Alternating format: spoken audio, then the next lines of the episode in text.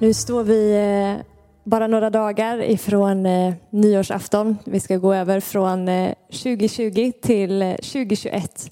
Och jag vet inte vad som, vad som händer i dig i en tid som just de här dagarna, men, men i mig så händer det ungefär samma sak varje år runt årsskiftet. Och det är att jag liksom drabbas av någon slags gudsfruktan i mitt liv där jag inser min litenhet som människa. Eh, jag inser att min tid här på jorden är väldigt begränsad.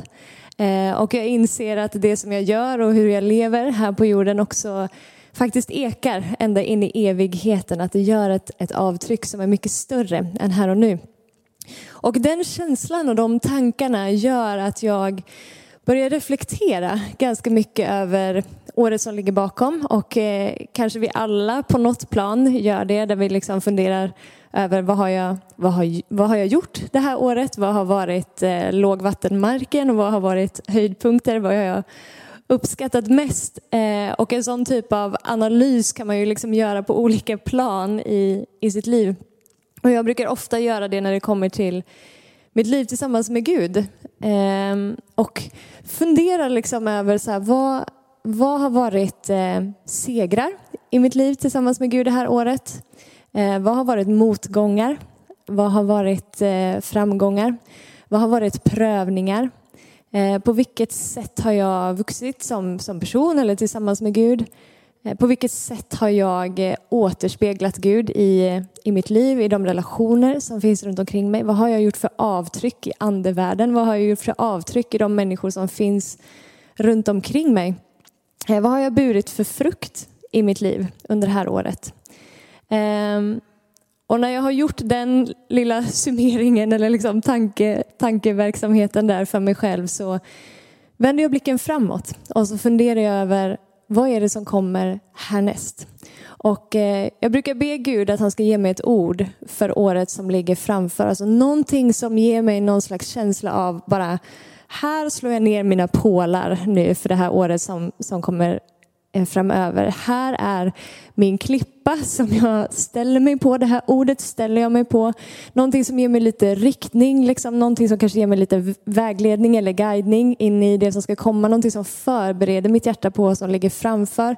Att jag kan förstå på något sätt hur jag behöver positionera mig på min insida liksom, för att röra mig in i det som som Gud har framöver.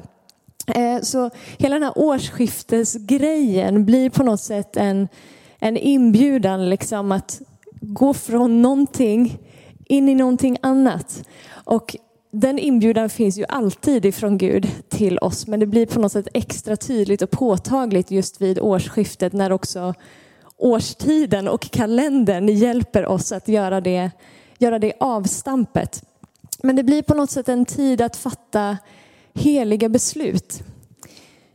Och jag gissar kanske att eh, du, precis som jag, har upplevt att 2020 har inneburit en del saker som du kanske inte vill uppleva igen.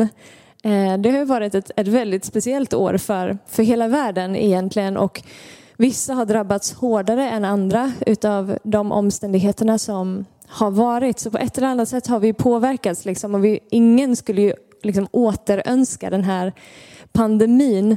Ändå så vet vi ju att mitt i prövningen så säger Gud att vi kan, vi kan glädja oss när vi utsätts för prövningar. Räkna det som den största glädje för att någonting händer med våran tro i det. Vi får finslipas i våran tro, vi får förädlas, vi får gå igenom lite eld liksom och luttras som guld och komma ut starkare förankrade i Gud på, på andra sidan.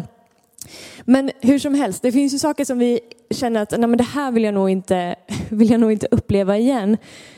De typen av omständigheter som en pandemi innebär kan vi inte styra över men eh, det kan ju finnas andra saker i våra liv som vi faktiskt i någon mån kan styra över.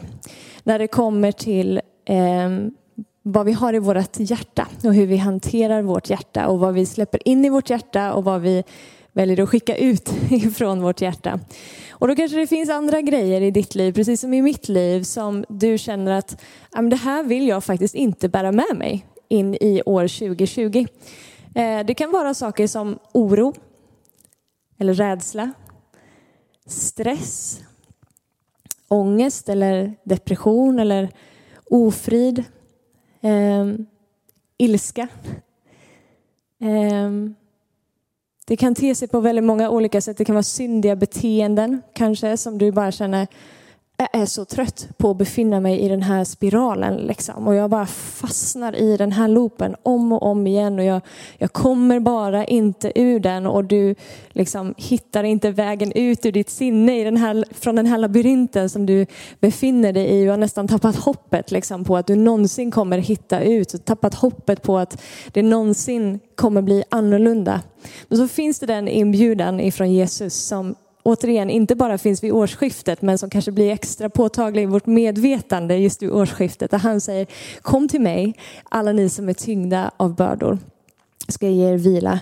Så att få lämna de här sakerna till Jesus, att bara gå till honom och säga Gud, den här oron, jag vill inte ha den. Varsågod, jag ger den till dig. Den, den tillhör inte mig. Jag tänker inte bära med mig den här bördan i min ryggsäck längre.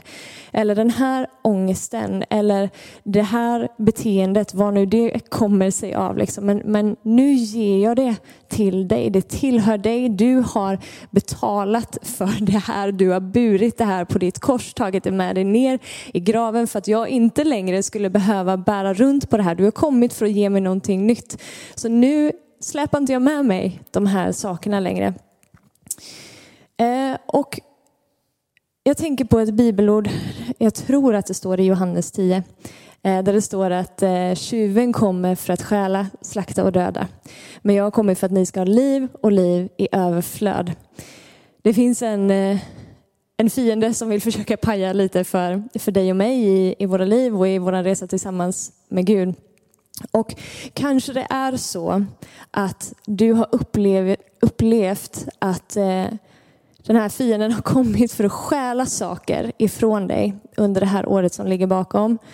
Eh, kanske det är så att han har velat stjäla din frid, stjäla ditt hopp, stjäla din glädje, eh, stjäla ditt, ditt arbete om du har blivit arbetslös, stjäla din hälsa, eh, stjäla olika relation, liksom, relationer, eh, stjäla känsla av värde och identitet. Alltså han kommer för att mucka med våra sinnen, liksom, pilla på de här grejerna som vi vet egentligen är oss givna tillsammans med Gud.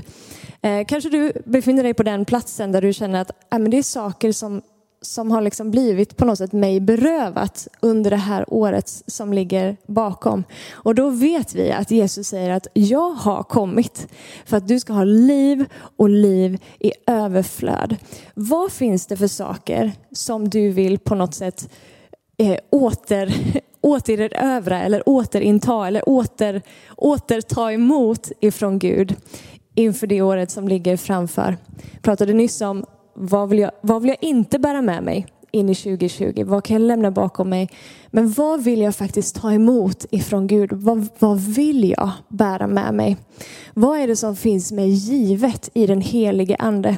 I Efesierbrevet kapitel 1 pratar om att vi är välsignade med all den himmelska världens andliga välsignelser i Kristus. Um, han har kommit för att du ska ha liv och liv i överflöd. Vad innebär det? Amen, hopp, det tillhör mig.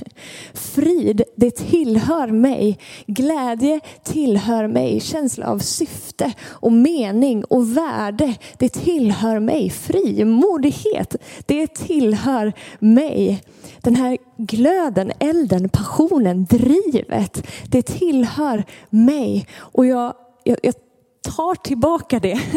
Om man nu kan, kan uttrycka sig på det sättet. Vi fattar ju att vi, vi tar oss inte någonting i Guds, rike men det finns en, en attityd som vi kan inta på våran insida där vi liksom inte blir, blir offer för våra omständigheter utan där vi faktiskt reser oss upp i den auktoritet som är oss given. Där, där jag blir dörrvaktare över mitt eget hjärta. Jag bestämmer vad som går in där och jag bestämmer vad som ska ut därifrån. Så jag skickar ut det som jag inte vill ha därifrån oro, ångest, ofrid, allt vad det kan vara. Och så väljer jag att igen bara ta emot ifrån Gud det som jag vill ska vara där. Jag tänker inte låta den där tjuven vara där inne och pilla och ta ifrån mig det som faktiskt är min, min arvedel tillsammans med Gud. Så vad är de vad är de grejerna för dig? Eh, och så vill jag säga det här från Filipperbrevet kapitel 3 och vers 13 så säger Paulus så här. Jag glömmer det som ligger bakom och sträcker mig mot det som ligger framför. Varför vill jag säga det? Jo, för att jag tror att det finns en poäng inför det här liksom, övergången i årsskiftet nu. Att bara säga, låt inte din historia vara det som definierar din framtid. Din framtid är i honom. Din framtid finns i Jesus Kristus. Han som är alfa och omega, han som är begynnelsen och slutet. Han som redan har varit i din framtid. Din framtid är i honom. Så det spelar ingen roll hur pissigt ditt 2020 har varit. Vi går från härlighet till härlighet tillsammans med Gud. Hans ord säger att den rättfärdige kan falla sju gånger men han reser sig upp igen. Så det spelar ingen roll hur många gånger du upplever att du har fallit eller misslyckats eller så den tiden som har varit bakom. Du kan resa dig upp igen och vi får vara som det här leret som, som ligger på krukmakarens drejskiva och går det lite sönder i, i processen så, så tar krukmakaren, alltså Gud, tar det och och formar om det till, till någonting fantastiskt. Han säger att han gör allting nytt. Så din historia behöver inte vara det som, som definierar din framtid utan istället utifrån vad han säger i Jeremia 29 och 11. Jag vet vilka tankar jag har för er, nämligen fridens tankar, inte ofärdens, för att ge er en framtid och ett hopp.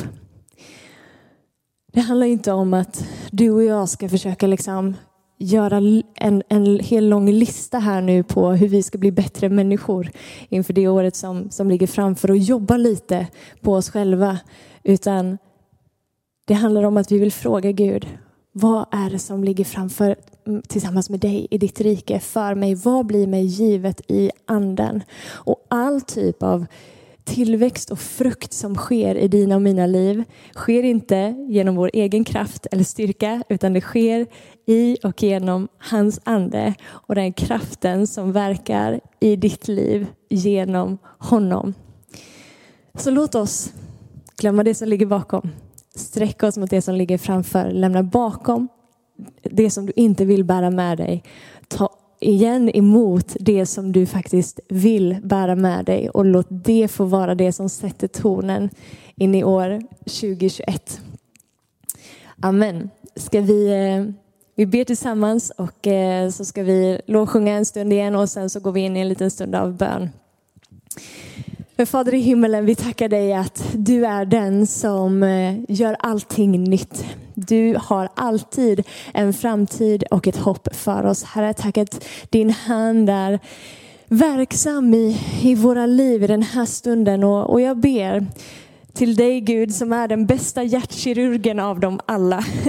Att eh, du skulle i den här stunden bara operera lite i våra hjärtan, visa oss på områden i våra liv som vi faktiskt inte behöver bära med oss in i år 2021. Om det finns någon som, som liksom känner att de sitter med en känsla av tunghet bara så tackar jag dig Gud att den får lämna den tungheten till dig. Eller någon som brottas med självfördömelse eller självförakt eller självhat till och med kanske. Vi bara lämnar det till dig just nu Gud.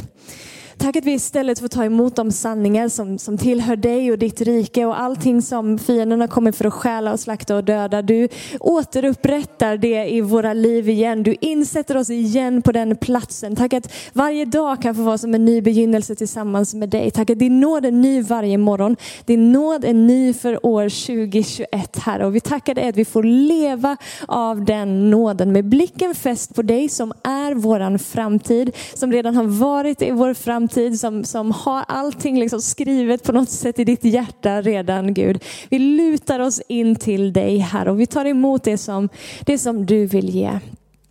I Jesu namn. Amen.